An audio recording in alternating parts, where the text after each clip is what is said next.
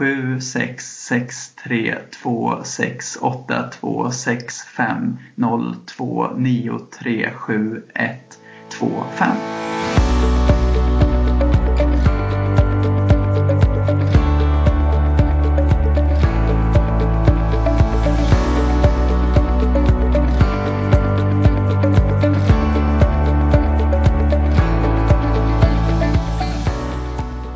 Vad ser ni framför er om ni tänker på en vältränad människa? Ni tänker naturligtvis på någon med fysisk vältrimmad kropp. Intresset för fysisk träning har ju ökat kraftigt de senaste 10 åren i Sverige. Antalet gym har ökat stadigt, motionsstopp fylls tidigt och många stoltserar mer än gärna framför kameran för att visa upp sina vältränade kroppar i olika typer av media. Fysisk träning och motion har för många blivit en livsstil och alla förstår vikten av fysisk aktivitet för att hålla oss pigga och friska i ett välfärdssamhälle där vi har utvecklat en bekväm och stillasittande kultur. Inte är det så konstigt att vi förknippar en vältränad människa med en vältränad kropp. Men hur är det då med våra hjärnor? Kan vi träna dem också och behöver vi det? Att ha en vältränad hjärna överskuggas av den allt mer växande kroppsfixeringen. Men hjärnan går ju faktiskt att träna upp till häpnadsväckande nivåer. Ja, nivåer som vi kanske inte ens tidigare kunnat ana och som vi ännu kanske inte ens ser vidden av. Detta fick vi inte minst ett prov på när den tvåfaldige världsmästaren i minne, Jonas von Essen, för några veckor sedan fick många TV-tittare att sätta kaffe till halsen när han i TV4s underhållningsprogram Talang briljerade med att bland annat ha lärt in 50 000 decimaler på den matematiska konstanten pi.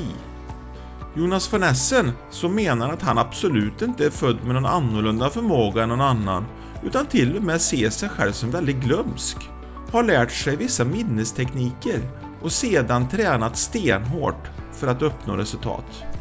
I sin nyutgivna bok Så får du ett superminne beskriver han hur man går tillväga och han menar att vem som helst skulle kunna träna upp sitt minne till nivåer vi inte ens kan drömma om. Hör minnesmästaren Jonas von Essen berätta om hur han har tränat upp sin fantastiska minnesförmåga. I det 22 avsnittet i poddradioserien Peptalk får ni höra Jonas berätta om sin minneskarriär. Men ni får också smakprov på hur fort han lär in siffror.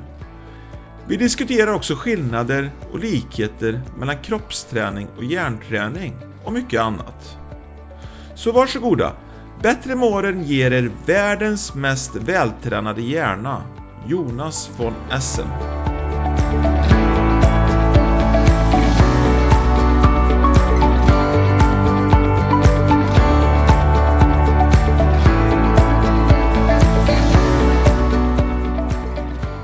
I denna Bättre med årens poddradioserie Peptalk så möter jag människor som kan inspirera till en livslång och aktiv livsstil.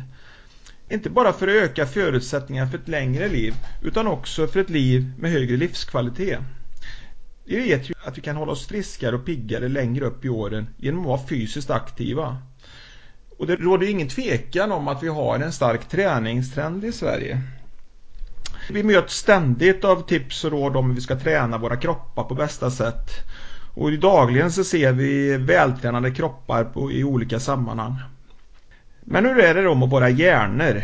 Borde vi kanske träna dem också? För att få svar på detta hälsar jag kanske världens mest vältränade hjärna välkommen till Bättre med åren, Jonas von Essen. Tack så jättemycket. Du är ju tvåfaldig världsmästare i minne och senast fick du ju stor uppmärksamhet för några veckor sedan då när du nådde en topplacering i TV4s underhållningsprogram Talang. Där du bland annat fick såväl jury som tittare att häpna med att lära in 50 000 decimaler på pi. Jag tror att många med mig tänker att du måste ha begåvats med en hjärna som har förmågor utöver det vanliga. Är det så Jonas? Eh, alltså det är ju väldigt lätt att tro att, att det måste vara något liksom väldigt, väldigt speciellt med min hjärna eh, när, man, när man hör de här decimalerna och andra grejer. Men, men eh, jag skulle vilja påstå att alltså, det är säkert så att jag har lite fallenhet för de här teknikerna och så eftersom att jag har lyckats bli världsmästare och så. Men, men det är egentligen inte alls så att jag har någon, någon väldigt speciell hjärna eller något väldigt speciellt minne från början. Utan tvärtom så är mitt vanliga minne egentligen ganska dåligt. Eh, men sen så har jag då lärt mig speciella tekniker och så tränat väldigt mycket på de teknikerna. Eh, och det är nästan helt och hållet tack vare det som jag kan göra de här sakerna. Så du har eh, till och med kanske sämre minnen än många andra om man säger i vardagen och sådär? Ja, ja, jag skulle nog vilja säga det faktiskt. Eh, när jag då inte använder teknikerna. Nu kan jag ju då, eh, nu när jag vet hur man gör så kan jag ju använda minnestekniker när jag ska komma ihåg något viktigt. Då. Men om jag inte gör det, och det är ganska ofta som jag inte gör det, då, eh, ja, då kan jag glömma bort rätt så mycket faktiskt. Så du är som alla andra, du glömmer lösenord och telefonnummer och så här också? Ja, om jag inte har... Om, om, jag inte har, om du inte använder tekniken alltså? Aha, ja, precis. Eh, finns det någon koppling mellan eh, det du gör och högt IQ eller? Eh, nej, det tror jag faktiskt inte att, att det finns. Alltså i så fall ingen speciellt stark eh, korrelation för att eh, de här teknikerna, det är liksom ingenting alls man behöver vara speciellt smart för att använda det utan det handlar liksom bara om att veta vad man ska göra och sen träna på det och då kan vem som helst göra det. det är liksom, de, ja, de är anpassade för den mänskliga hjärnan liksom. och det är inte så att man behöver ha någon, någon speciell fallenhet eller någonting utan eh, ja, alla kan verkligen göra det. Och, och sen så är det inte heller, när, man, när man pratar om att memorera långa sekvenser med siffror eller spelkort eller så här, då låter det på något sätt som att när man, tänker, när man bara ser de här siffrorna så tänker man att man måste vara någon slags geni liksom för att göra det. Eh, men hela idén bakom tekniken är just att man byter ut siffror och spelkort och allt sånt där abstrakt och krångligt mot eh, saker som är mycket mer konkreta och mycket enklare. Och då blir det som att man då liksom hittar på små historier i huvudet istället för de här siffrorna. Eh, och det behöver man inte vara speciellt, ha speciellt högt IQ för att göra utan det är liksom mer att man, att man ja, det är bra om man har en livlig fantasi kanske eller sådär. Så det är kanske mer fantasi än minne det handlar om? Ja, eh, faktiskt. I väldigt hög grad. Mm. Eh, och det är kanske någonting man tränar upp också sin fantasi då? Och hittar bilder så att säga? Ja, eh, precis. Det är verkligen. För att när man börjar, eh, om man börjar som vuxen då, som jag i princip gjorde eh, med de här teknikerna, då, eh, då är man förstås väldigt ovan vid att bara sitta och, och hitta på massa historier och massa konstiga bilder. Så här. Det är liksom inget som man brukar göra, eh, eller ja, som de flesta i alla fall inte brukar göra. Eh, och, och då, eh, så då är det ju lite trögt i början och det kan kännas konstigt och ovant och sådär. Men sen så, så när man väl har, har börjat med det och liksom tränar mer och mer och, och vänjer sig vid att bara släppa, släppa loss och bara låta, liksom, låta det första som dyker upp eh, duga så, eh, så går det lättare och lättare och till slut så blir det väldigt naturligt. Precis som det var när man var liten. Och mer. Ja, men då är en fundering som jag har då, det är ju, krävs det då inte extremt bra minne för att komma ihåg alla bilder så att säga också. Eh, ja, alltså det är, det är väldigt lätt att tänka det att okej, okay, då, då har de här bilderna istället och så kan komma ihåg dem och så ja, att, det, att det bara är att byta ut ett problem mot ett annat. Eh, men faktum är att av någon anledning då så är det otroligt mycket lättare att komma ihåg de här bilderna eh, än det är att komma ihåg nästan vad som helst annat. Då. Och när man liksom har har, har fått beskrivet för sig tydligt hur man ska göra och testat själva tekniken eh, så som den är tänkt att gå till, då, då märker man liksom på en gång att, att, att det är jättemycket lättare än vad, vad man skulle tro. Liksom. Det låter inte alls som att det ska vara mycket lättare att se de här bilderna på en promenad eller sådär. Men, men med lite träning så, så på något sätt och så, så går det bara så otroligt lätt. Och, och eh, alla som, som jag har liksom, eh, förklarat det för och som har testat det har, har också ja, sagt att det, att det funkar liksom, eller de har, har märkt hur, hur lätt det går. Och då tänkte jag faktiskt att jag skulle ta, testa det lite på detta. Och då har jag tänkt att jag har eh, faktiskt skrivit ner 30 slumpvisa siffror här som jag tänkte läsa upp för dig. Och så tänkte jag att du får memorera dem och sen så ska vi se om du kan återupprepa dem i slutet av intervjun här. Ja, okej. Okay. Jag är lite nyfiken på hur snabbt man liksom kan lära in dem. Mm. Ska vi prova det? Eh, ja, okej, okay, vi testar. Ja, vi testar då. 8 0 0 4 8 6 2 2 9 0 5 4 7 6 6 3 2 6 8 2 6 5 0 2 9 3 7 1 2 5 Okej, eh, då ska vi se. Jag, nu har jag då placerat ut de här siffrorna i mitt vardagsrum eh, där hemma i huvudet. Alltså. Och eh, jag ska bara kolla igenom dem igen så att de är på plats. Då hade vi eh, han som satt där och styrde runt den där. Ja, och sen så var det den där som ställde upp den. Och sen så hade vi han som flög iväg på de där och sen så var det den som låg där och så slutligen så var hon där och satt fast. Ja, eh, ja jag tror att jag, jag har dem i eh, vardagsrummet i huvudet. Okej, okay. då fortsätter vi då. Då tänkte jag, eh, ja egentligen kan vi börja lite med din bakgrund där. Vem är du Jonas? Eh, ja, jag kommer från Skövde eh, från början och eh, sen så har jag flyttat till Göteborg nu för ganska länge sedan egentligen när jag började plugga.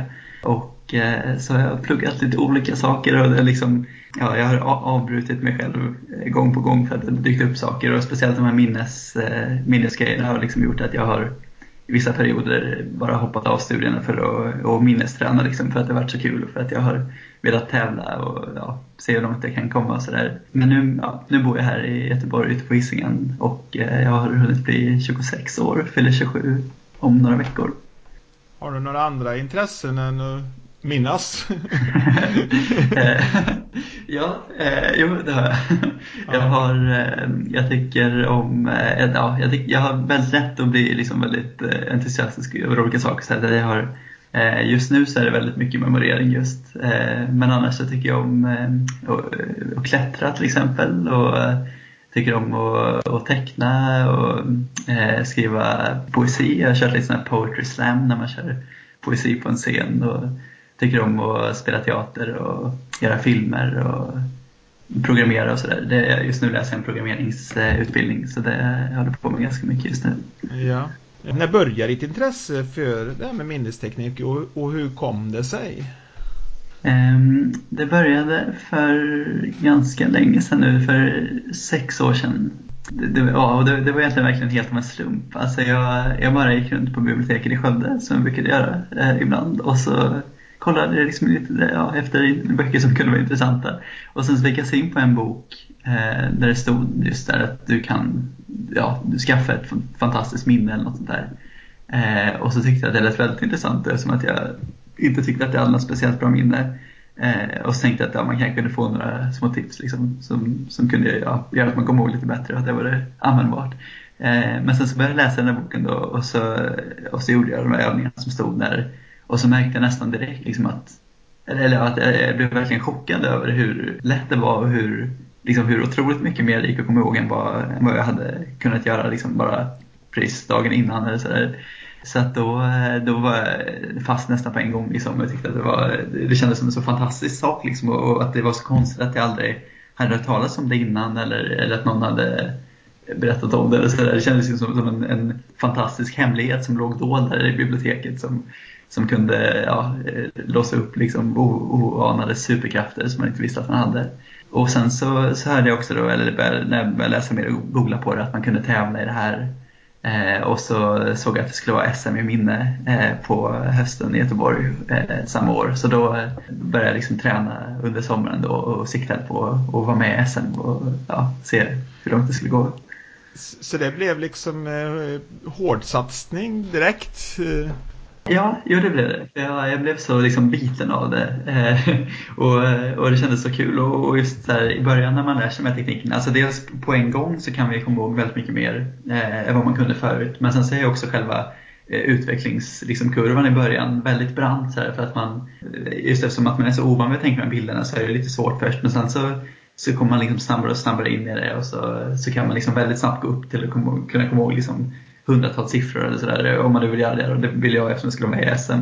Och, eh, så, så, det var väldigt motiverande hela tiden och sen så så var det också att jag efter ett tag när jag hade tränat liksom, eh, och läst lite på nätet så såg jag att, att de svenska rekorden som fanns då eh, de, de, de, liksom, de kändes som att de var ändå att, de, eh, att det fanns potential att, att nå dit liksom, med, om, man, om man tränade tillräckligt mycket. För det kändes som att de liksom inte var så långt bort ändå när man tänkte på hur, hur fantastiska de här teknikerna var. Eh, så då, då var jag väldigt motiverad av det också och när jag tränade liksom under sommaren så, så försökte jag hela tiden slå eh, de här svenska rekorden och, och eh, ja, stod mina e-, egna rekord och, och det var liksom som ett väldigt roligt spel att hålla på med.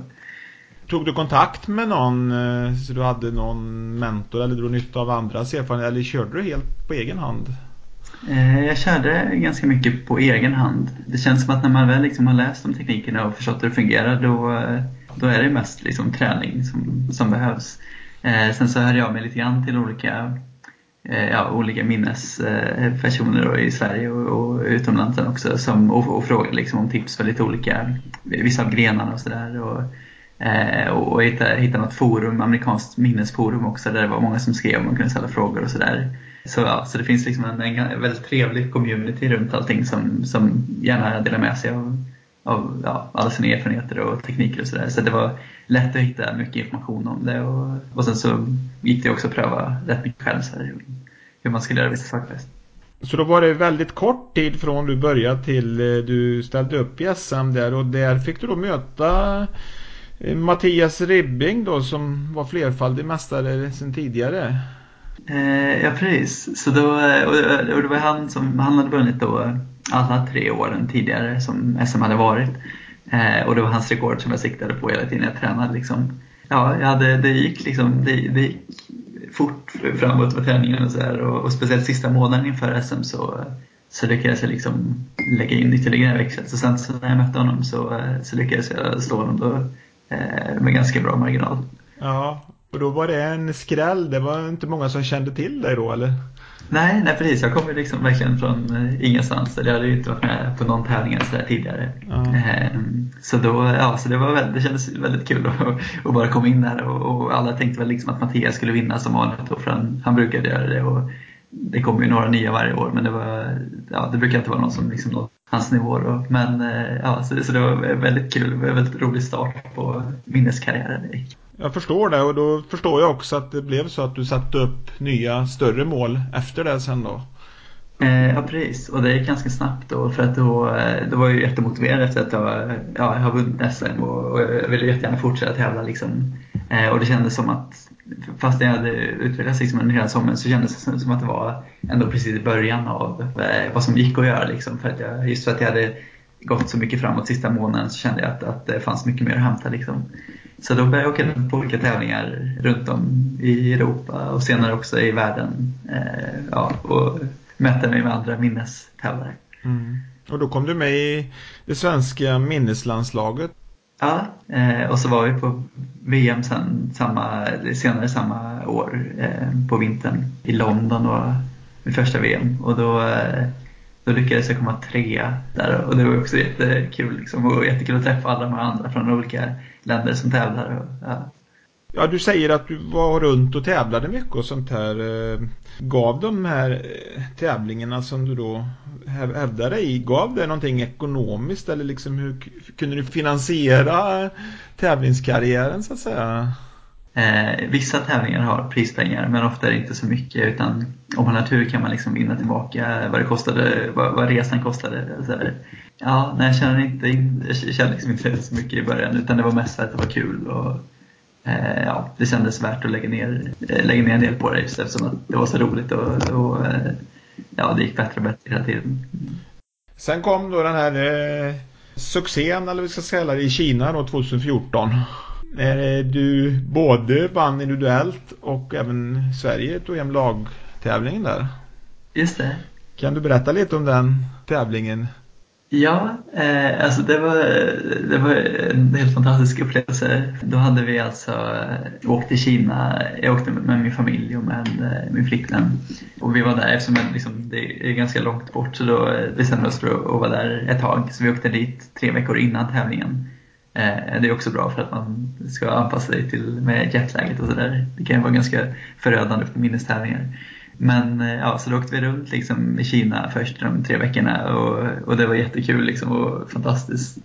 Många häftiga saker och fantastisk mat och allting. Och till slut så kom vi ner då till eh, Hainan som är en ö som ligger under, eller söder om Kina, där, där själva tävlingen skulle äga rum. Och eh, det, var, det, det, var väldigt häftigt. Det var, min, min största konkurrent var en tysk advokat eh, som heter Simon Reinhardt som, eh, ja, som har varit med liksom många år och tävlat och som eh, är väldigt eh, duktig eh, ja, eh, och liksom väldigt fruktad inom minnesvärlden. Jag, jag visste liksom att det antagligen skulle stå mellan oss två jag var lite orolig också för det mongolska landslaget för de hade eh, de hade varit uppe och höghöjdstränat eller de hade liksom fått ledigt från sina universitet och sina arbeten och sådär. Så hade de åkt upp och tränat i de mongolska bergen och varit där en månad innan, innan VM och, och tränat liksom hårt tränat. Eh, och de var också så att de hela tiden blev bättre och bättre så de var eh, ja, det, det fanns många motståndare och förstås alla, alla i kinesiska landslaget som också var väldigt peppade och på hemmaplan. Så men jag lyckades. Det var, liksom, eh, ja, det var ganska jämnt hela, hela vägen mellan mig och Simon. Eh, men det gick väldigt bra. Liksom. Det, var, det var verkligen så att jag hade lyckats topp, eh, ja, toppa in formen och, och jag vann de flesta grenarna och sen så, så avgjordes allting då i den sista grenen som är att man ska numrera en, en kortlek bland kortlek så fort som möjligt. så, så det var ja, väldigt liksom, nerv, ja, nervbrakande tävling. Det är din största framgång förstår jag. Eh, ja, det får man ju säga att det är. Det är svårt att ja, vinna något större inom minnessporten i alla fall. Ja. Och vad jag förstår de här mästerskapstävlingarna då i minne eh, består då av åtta grenar då och så är den, får man en totalpoäng sen. Kan du beskriva lite kort vad det är för grenar?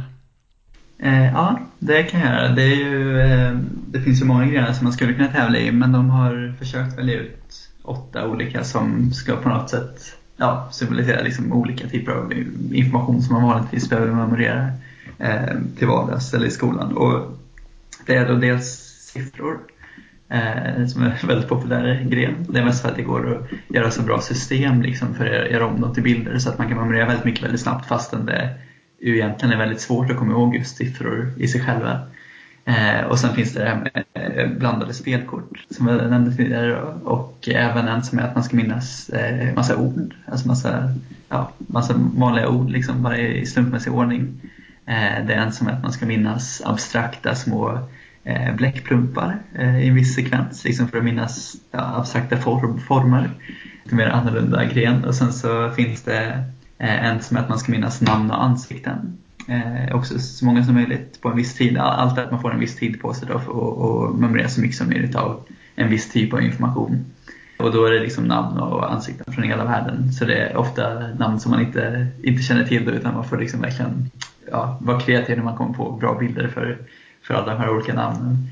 Eh, och så finns det en gren som heter historiska datum som, eh, som går ut på att man, ska, man får en lista med massa årtal och så massa påhittade händelser.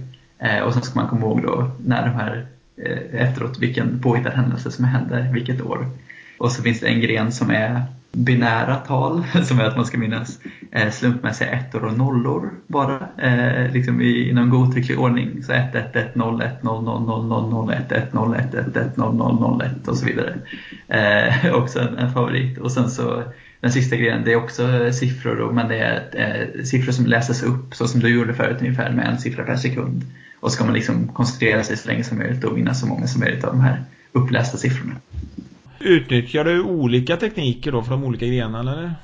Det är lite olika, men man kan säga att själva grundidén eller grundprincipen är densamma egentligen för alla eh, grenar. Just att man gör om det till bilder på något sätt och sen så föreställer man sig de här bilderna på någon plats som man känner till.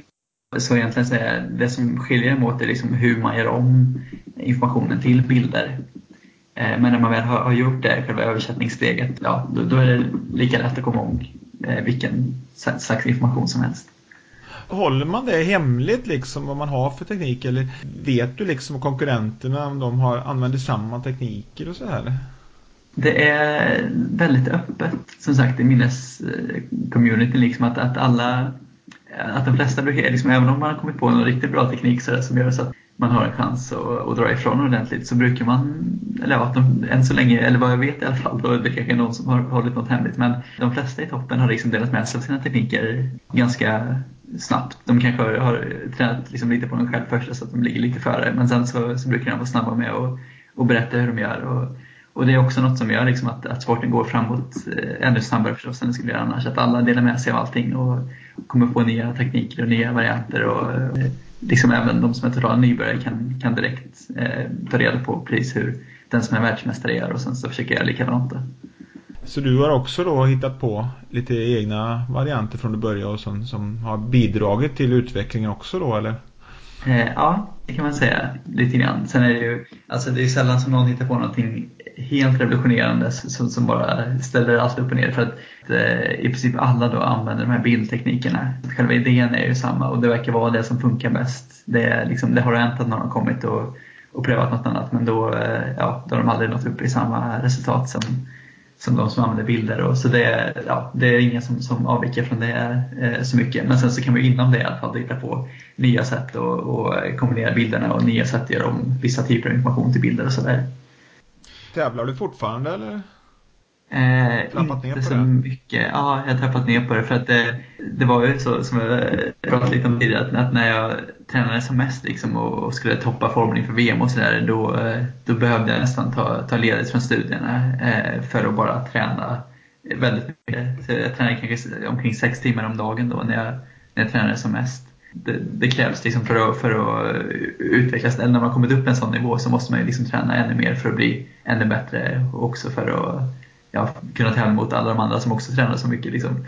Så då, eh, och, och, det var väldigt kul. Alltså, jag tycker att det är väldigt roligt att träna. Eh, och det är förstås kul när man ser att man blir bättre hela tiden. Och, Eh, och, och även liksom i sig själv så är det ganska roligt med de här bilderna. Och, det är liksom ingen, eh, ingen tråkig aktivitet som man kanske tänker att det skulle kunna vara att sitta och kolla på massa papper med siffror eller bläddra igenom massa kortlägg i flera timmar. Men till slut så, så kände jag ändå när jag hade vunnit VM för andra gången att jag, jag var ganska nöjd liksom med det. Jag, jag var inte lika motiverad längre att fortsätta för det fanns liksom inte så mycket jag kunde sikta på. Och sen så, så kände jag att, att ja, jag lade ner rätt mycket tid på det så att det, det, det var kanske dags att göra lite andra saker också. Ja, du har ju börjat applicera det här på andra områden vad jag förstår. Eh, till exempel Trivial Pursuit. Pluggade ja. du in alla frågor eller? Eh, precis, det gjorde jag. Eh, det gjorde jag ganska kort efter att jag hade, hade lärt mig eh, teknikerna för då, då insåg jag liksom hur, vilken kraft det var att man kunde komma ihåg vad som helst. Och, och då var en sån grej var att jag, jag tyckte att jag, eller jag brukade alltid vara ganska dålig, dålig på frågesport. Eh, och tycker att det var lite jobbigt när man spelar med släkten och sådär. Så då, eh, då tog jag liksom bort TP med 3000 frågor och bara memorerade alla dem och, och det, var, det var ju väldigt kul och, och sen dess är jag i alla fall lite bättre på, på frågesport. Eh, och särskilt på det här spelet. Det var ju som en kul grej förstår jag, men sen kan man ju också användning av det eh, professionellt så att säga. Du har ju gjort högskoleprovet och använt det också. Kan du berätta lite om det? Ja, eh, det har blivit som en liten grej nu att jag har eh, att, att har som en hobby nästan att, att göra högskoleprovet eh, och försöka få liksom, så bra resultat som möjligt. Och, eh, jag tyckte att det var kul redan från början när jag gjorde provet men jag var ganska dålig då på eh, särskilt på orddelen då när man ska kunna alla de här eh, ovanliga svenska orden och även en del engelska ord. Och, så där sjönk jag alltid väldigt mycket men sen så när jag lärt mig de här teknikerna då, eh, då var det ju lätt att åtgärda det för då, då, då tog jag helt enkelt en med 7000 svåra svenska och engelska ord och sen så, så memorerade jag den under en period. då. eh, det är ganska mycket 7000 ord. Och, och sen efter det så, så har det gått jättebra eh, även i orddelen. Då, då, när jag väl hade lagt in den här listan så ville jag liksom verkligen utnyttja det så då har jag gjort provet eh, nästan varje gång som det har getts de senaste åren. Eh, och eh, ja, försökt att liksom slå mitt eget rekord eh, Eh, i, i, poängmässigt. Och någon gång så råkade jag, först så gjorde jag det liksom bara för, för det var kul, jag ville liksom utmana mig själv. Men sen så såg jag någon gång i, någon, i Expressen eller något sånt där att eller de publicerade någon lista på de fem med högst poäng eh, det året. Eh, och så såg jag mig själv på femte plats och då, och, och sen dess så blev det liksom ännu mer intressant för då, då var det lite som minnestävlingar. Så att jag, jag kände liksom att jag var uppe i toppen och att jag, jag kanske kunde försöka ja, sikta på, på liksom högsta eh, position. Så då, ja, då blev jag liksom biten även av det och så har jag, har jag fortsatt att försöka göra provet och, och se om jag kan, kan lyckas få full pott nu. Och det har du inte fått, men du har varit bäst i Sverige då? På högskolan? Eh, ja, jag har, eh, det har varit. Så det fick jag. Jag brukar skriva, liksom, höra av mig varje år eh, efter det jag skrivit provet till, eh, till de som gör provet uppe i Umeå och fråga om de har någon statistik som de kan dela med sig av. Och, och då brukar de, det är en speciell, eller det är en kille som jag ofta brukar skriva med och han brukar skicka resultatet till mig då för han vet att jag är intresserad. Och då för några år sedan så skickade han ett mejl och skrev så här, ja grattis, nu är du, ja, nu är du bäst i alla fall. Men, men, men fortfarande så var jag, hade jag två fel då, så jag, det finns fortfarande lite marginal. Och sen då, eh, som sagt för några veckor sedan här i Talang då så blev du ju lite kändis för svenska folket här. Det är ju ganska mycket tittare och så här. Och du fick ju juryn att häpna där. När du hade pluggat in 50 000 decimaler på, av pi vad, vad hade du gjort innan? Vad var ditt gamla rekord på pi? Eh, ja, jag hade ett rekord för eh, sen tidigare som var eh, 13 208 decimaler. Så det var det jag hade sen tidigare. Men sen så hade jag Ja, sen hade jag liksom gett upp lite efter det för, för det kändes som att det var så eh, eller ja, det, det, det, det, var, det började liksom bli lite långtråkigt och, eh, och fortsätta lägga på de här decimalerna hela tiden. Så sen så, så började, fick jag lite, ja, de fanns ju kvar liksom spår av dem eh, och det gick ganska snabbt att få tillbaka de decimalerna då som jag hade memorerat tidigare. Eh, men sen så fick jag fortsätta därifrån då och memorera upp till de här 50 000 eh, för Talang just. Men det kändes eh, kul. Men du tredubblade ju detta, det måste ju tagit enormt eh, lång tid och jag tänker, du säger du går runt i ditt hus. Det räcker väl inte med ett hus? nej, nej, nej precis. Det blir ju, det, ett hus kan ju räcka det ganska mycket men just när det blir så här, så här liksom, eh, ofantliga mängder information så, eh, så behöver man lite mer eh, än det. Så, då, eh, så till det här så har jag använt liksom, i princip hela Skövde och, och som en jättelång promenad liksom, som jag föreställt mig genom Skövde. Eh, genom alla platser jag känner till liksom, och, och alla butiker och sådär. Eh, och lagt ut då de här bilderna längs med den här promenaden. Eh, och då har jag lyckats liksom trycka in de här 50 000 decimalerna i, i Skövde. ja, det är ju fantastiskt. Och det, vad som var kul eh, med detta Talang också, det var att du visade att det går att göra underhållning av det. Ja. Det tyckte jag verkligen lyckades. Har du fått någon respons på det?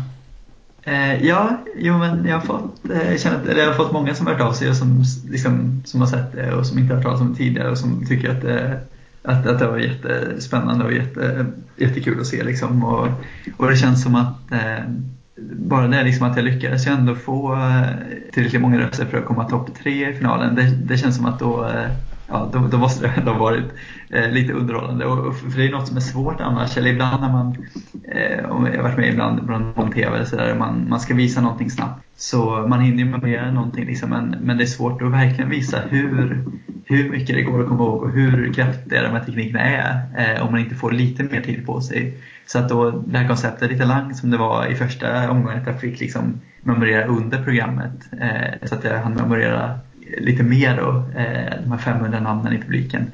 Och sen i finalen jag kunde de memorera Pi eh, liksom lite grann på förhand. Eh, och sen visade det att det gick att komma ihåg så otroligt mycket. Det, det, det, det var liksom väldigt bra upplägg. Och sen gjorde de det också jättesnyggt med grafiken och, och den här publiken och namnen var också väldigt liksom kul att, att publiken var involverad i, i numret. Så det känns som att det, ja, det är nog de, de, de bästa liksom shownumren som jag lyckats göra med minnesniker än så länge. Ja. Ja, det ser man. Det går att ha som underhållning. Men jag tänkte också fråga. Du har inte fått förfrågningar från ja, företag och sånt där som har sett liksom att eh, fått upp ögonen för det? Eh, jo, jo, men det har jag fått eh, en del och det blir mer och mer eh, nu. Eller det har blivit mer och mer de senaste åren. Att jag har eh, eh fått liksom åka ut och ha lite föreläsningar på ibland på sådana kompetensutvecklingsdagar. Och, eh, eller bara på någon, någon allmän företags, eh, något event och sådär. Eh, och då, det blir ofta som lite grann en blandning av underhållning och, eh, och liksom, eh, en kurs då för att jag, eh, jag försöker lära ut teknikerna och det är det som är, roligast och, liksom, och väldigt kul att se när, när publiken eller när de som är där testar själva märker liksom att, att, eller verkligen förbluffar sig själva precis som jag gjorde första gången jag läste den här boken hur lätt det är. Och sen så, ja, den brukar jag också bjuda på lite minnesshower eh, i liksom, så att det blir eh, ja, blir en liten blandning av båda. Men det är, det är väldigt kul att, att få åka ut och försöka sprida de här teknikerna liksom, och få fler att få upp ögonen för det. Funderar du mycket på hur du ska liksom hitta nya eh, sätt att använda eller andra områden så att, att applicera teknikerna på? Eh, av mer professionellt slag så att säga. Att kunna tjäna pengar på det. Kanske ha det som heltidssysselsättning eller så. Eller kommer det bara vara en hobby tror du? Ja, nej, men jag försöker väl och, och det, det, känns ju som att det, för, för jag tycker det är väldigt kul att hålla på med eh, och väldigt kul att, att jobba med liksom. Eh, och, så, och, och, så brinner jag också liksom för att och försöka sprida det här så mycket som möjligt och få liksom, eh, andra att få samma fantastiska upplevelse som jag har haft av det. Så därför så har jag försökt, jag försöker liksom att ha föreläsningar och kurser och sådär ja, så mycket jag kan. Och sen så, så har jag skrivit en bok ganska nyligen Eh, där jag förklarar teknikerna och, och lär ut dem eh, och de gavs ut i eh, förra månaden. Så då, eh, ja, man tjänar inte jättebra på en bok men, men eh, det är ändå lite sådär eh, extra inkomster. Och, sen så vet jag inte, jag vet liksom inte riktigt, jag har funderat ibland på det, att det vore kul att bara försöka liksom verkligen memorera så mycket fakta som möjligt så, här, och, och, eh, så att man sen skulle kunna åka runt på olika frågesportsprogram och försöka, försöka vinna pengar. Att det kanske vore någon, någon, någon bra, eh, ett bra alternativ. Men, eh, men annars så, ja, så, så vet jag inte riktigt. Nej, det kanske var ännu hetare innan Google fanns. ja, ja, precis. Då hade det verkligen varit eh, ovärderligt. Liksom. Det är ju fortfarande bra förstås eh, ja, och väldigt användbart att memorera massa saker och man kan lära sig saker eh, mycket snabbare och, och, studera olika ämnen och sådär. Men det är klart att just, just den här rena minnesförmågan är väl kanske eh, ja, inte riktigt lika eftertraktad längre som den eventuellt var tidigare.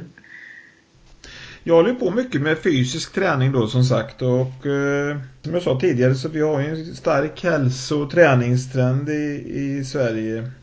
Och det är det jag försöker eh, inspirera till då, att vara fysiskt aktiv och det är ju inte bara jag som gör det, det är många och det har ju ploppat upp gym här där folk håller på att tränar sina kroppar och så vidare för att minska risken för sjukdomar en del och... Men är det så att vi kanske borde ha gym för våra hjärnor också? Borde vi träna hjärnan också? Är den, är den lite bortglömd?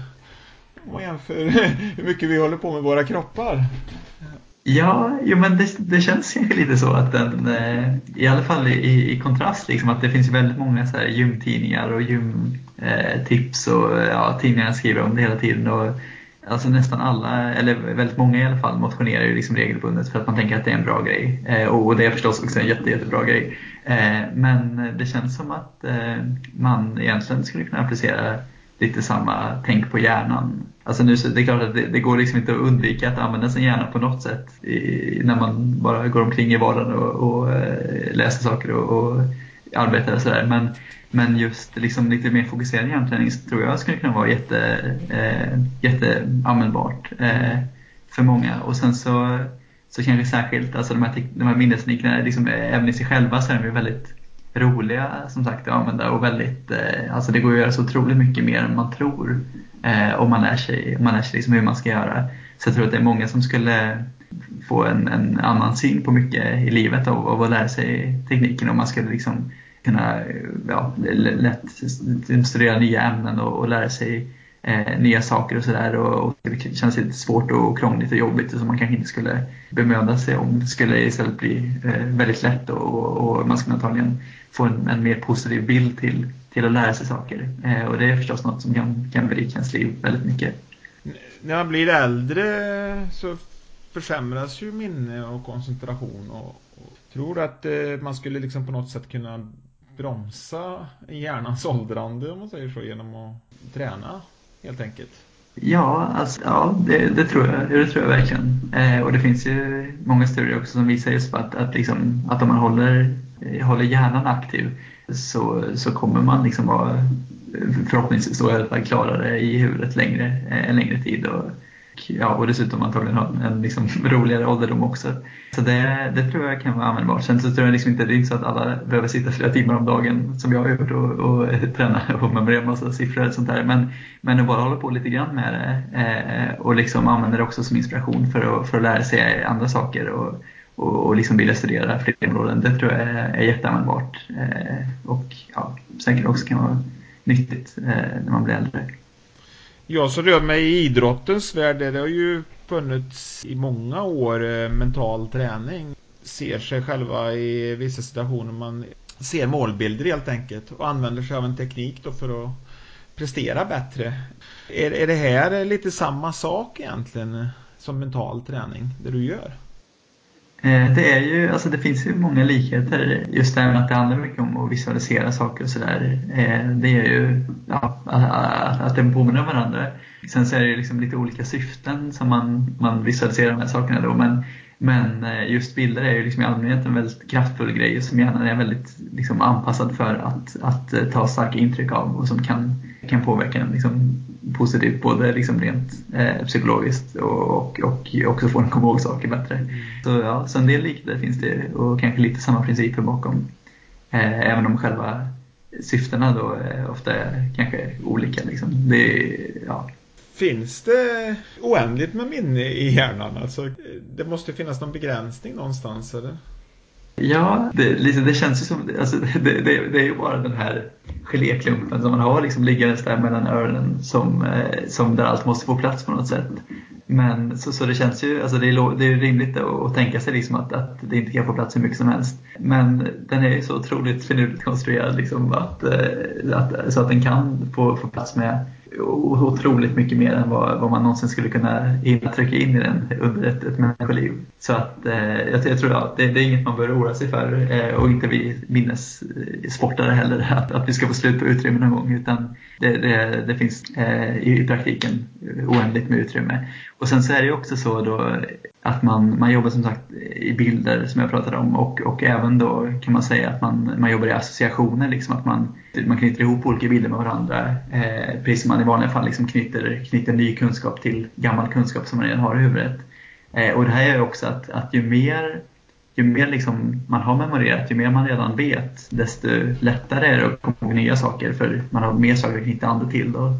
Eh, så det blir någon slags snöbollseffekt. Att, att ju mer man lär sig desto, desto mer kan man egentligen lära sig. Då. Så, att, så det är nästan tvärtom eh, mot en hårdisk till exempel. Eller sån här. Mm. Ja, det är lite intressant. För träning handlar ju om eh, människans fantastiska förmåga till anpassning egentligen då. Och jag som då eh, håller på som sagt mycket med fysisk träning. Jag tycker det vore intressant att höra om vi skulle ta och jämföra fysisk träning med träning av hjärnan då. Då tänkte jag så här att jag tänker säga fem påståenden då som jag hävdar är sant för fysisk träning. Då tänkte jag om du då kunde kommentera om det samma gäller för träning av hjärnan. Ja, ja vad kul. Ja, och då säger jag vad jag vet då inom fysisk träning då så säger jag för det första här då att för att kunna prestera så måste man hitta en balans mellan belastning och återhämtning, vila. Eh, ja, absolut. Det stämmer absolut för, eh, även för, för minnesträning.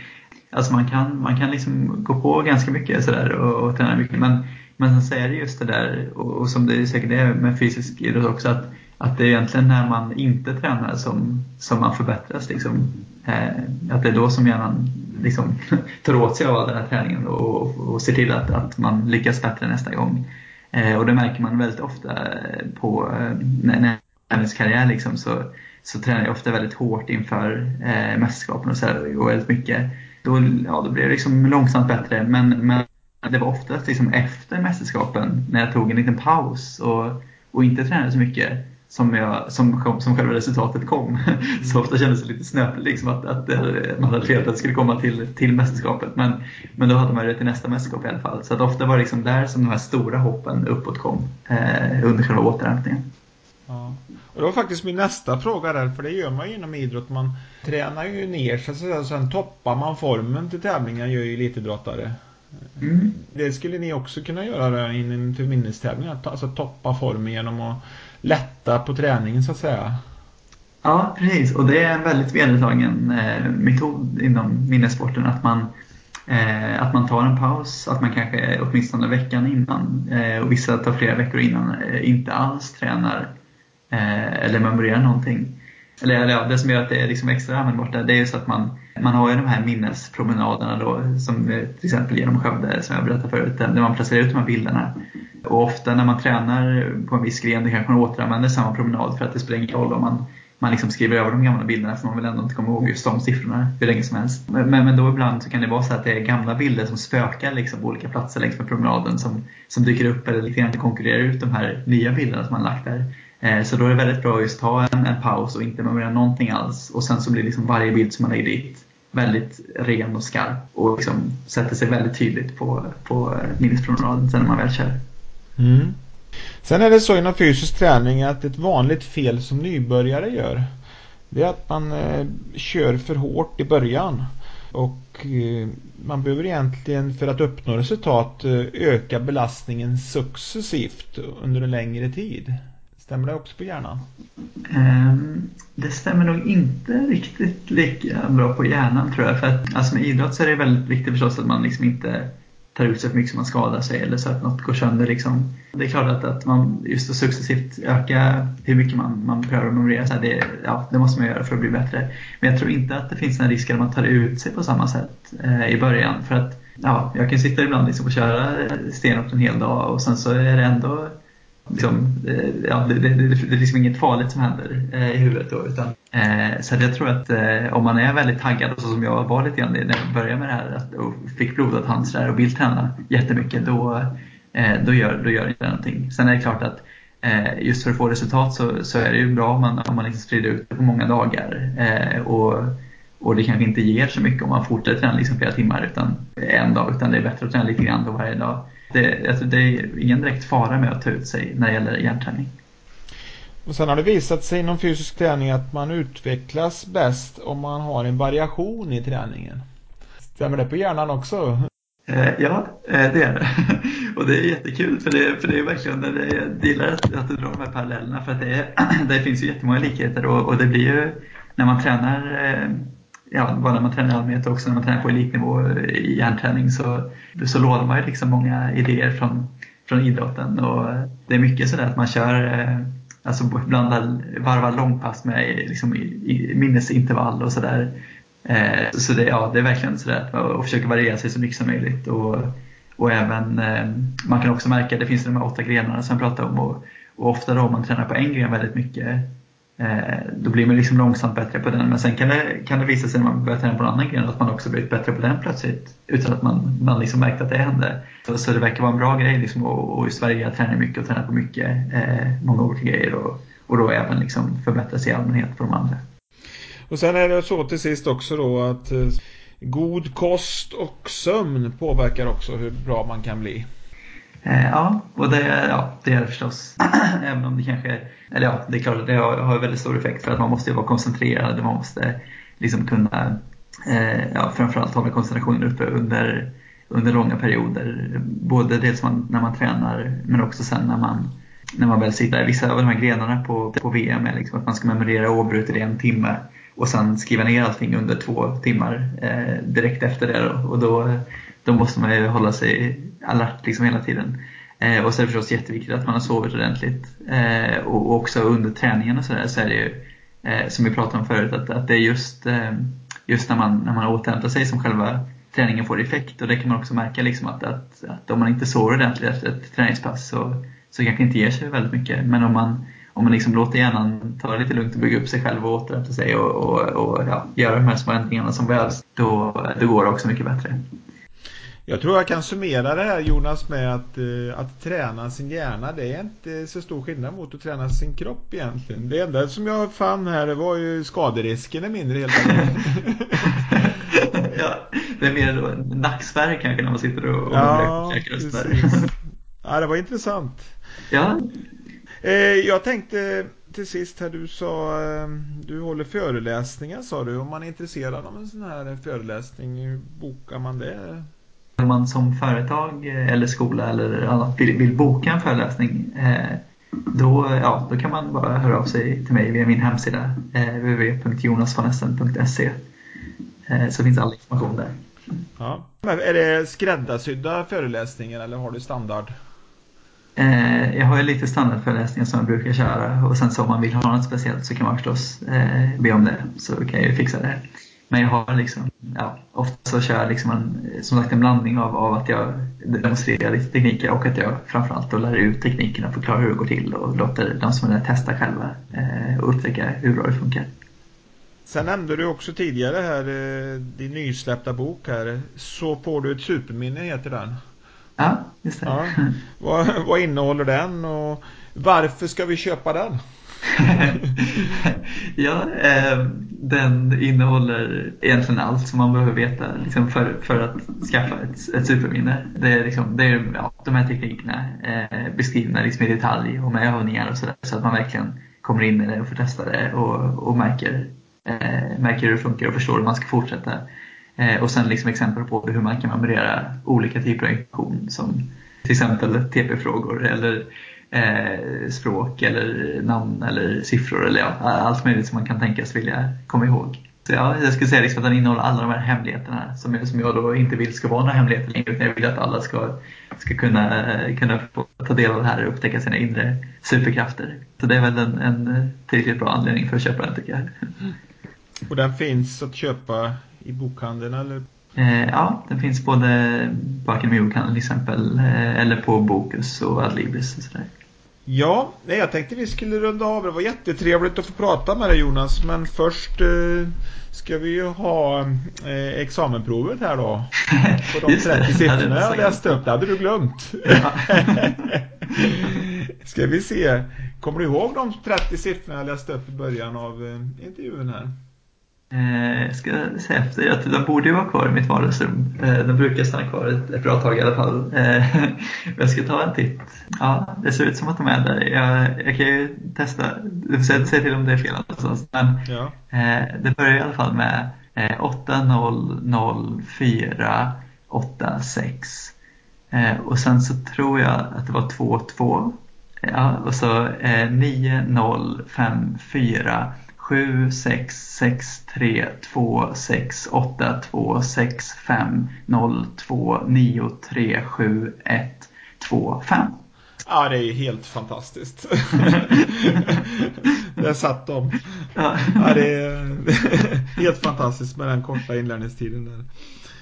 Ja, det är kul. Och, och det är också häftigt just det där med att, de, att när man väl har lärt in dem liksom och sett de här bilderna tydligt eh, i vardagsrummet till exempel, då eh, då behöver man liksom inte tänka på det sen. Alltså i vanliga fall så skulle man ju behöva liksom hela tiden tänka på de här siffrorna och, och gå det i huvudet. Men, men om, man, om du väl sitter så sitter du ofta liksom flera dagar. Så då, då kan man bara lämna dem där och sen kika in i huvudet och, och se vad bilden har. Men om jag skulle ringa upp dem en vecka och fråga efter de här, då, då är de borta? Ja, de, då skulle de... Nu har jag ändå liksom lagt in en, eller ja, nu har jag gått igenom en, en gång till nu då, efter en liten stund. Eh, nu när jag läste upp dem här för dig. Så då det, de skulle kunna vara kvar då. Eh, sen kan det hända att jag skriver över dem, liksom, för jag, jag brukar använda vardagsrummet till sån här tillfällig information som jag ska memorera eh, också på föreläsningar och sådär. Så att, och i så fall är de ju borta. Men, eh, men om jag inte gör någonting med dem då, eh, ja, då är det möjligt att de är kvar i alla fall om en vecka. Mm. Tycker du att jag har glömt någonting eller någonting annat du skulle vilja skicka med till lyssnarna här? Nej, jag tycker att det var väldigt bra frågor och eh, en väldigt trevlig eh, intervju. Och det känns som att vi har pratat om, om det mesta, eh, om allt det viktiga. Ja. Mm. ja, det var jätteintressant att få den här vinklingen på eh, det här programmet då som alltid har handlat om att träna kroppen som sagt. Men nu fick vi också höra om att hjärnan fungerar i, i princip på samma sätt som alla andra organ. Ja. ja, Eh, då tackar jag dig så mycket för den här pratstunden Jonas och eh, önskar dig lycka till med vad du nu företar dig med din hjärna i framtiden här. ja, tack så jättemycket och eh, lycka till med din eh, cykeltur. ja men tack så mycket. Det är start om en vecka drygt här. Så. Ja, härligt. Jättehäftigt. Väldigt, väldigt inspirerande. Ja. ja, tack så mycket. Hej. Ja, ha bra. Hej då. Hej.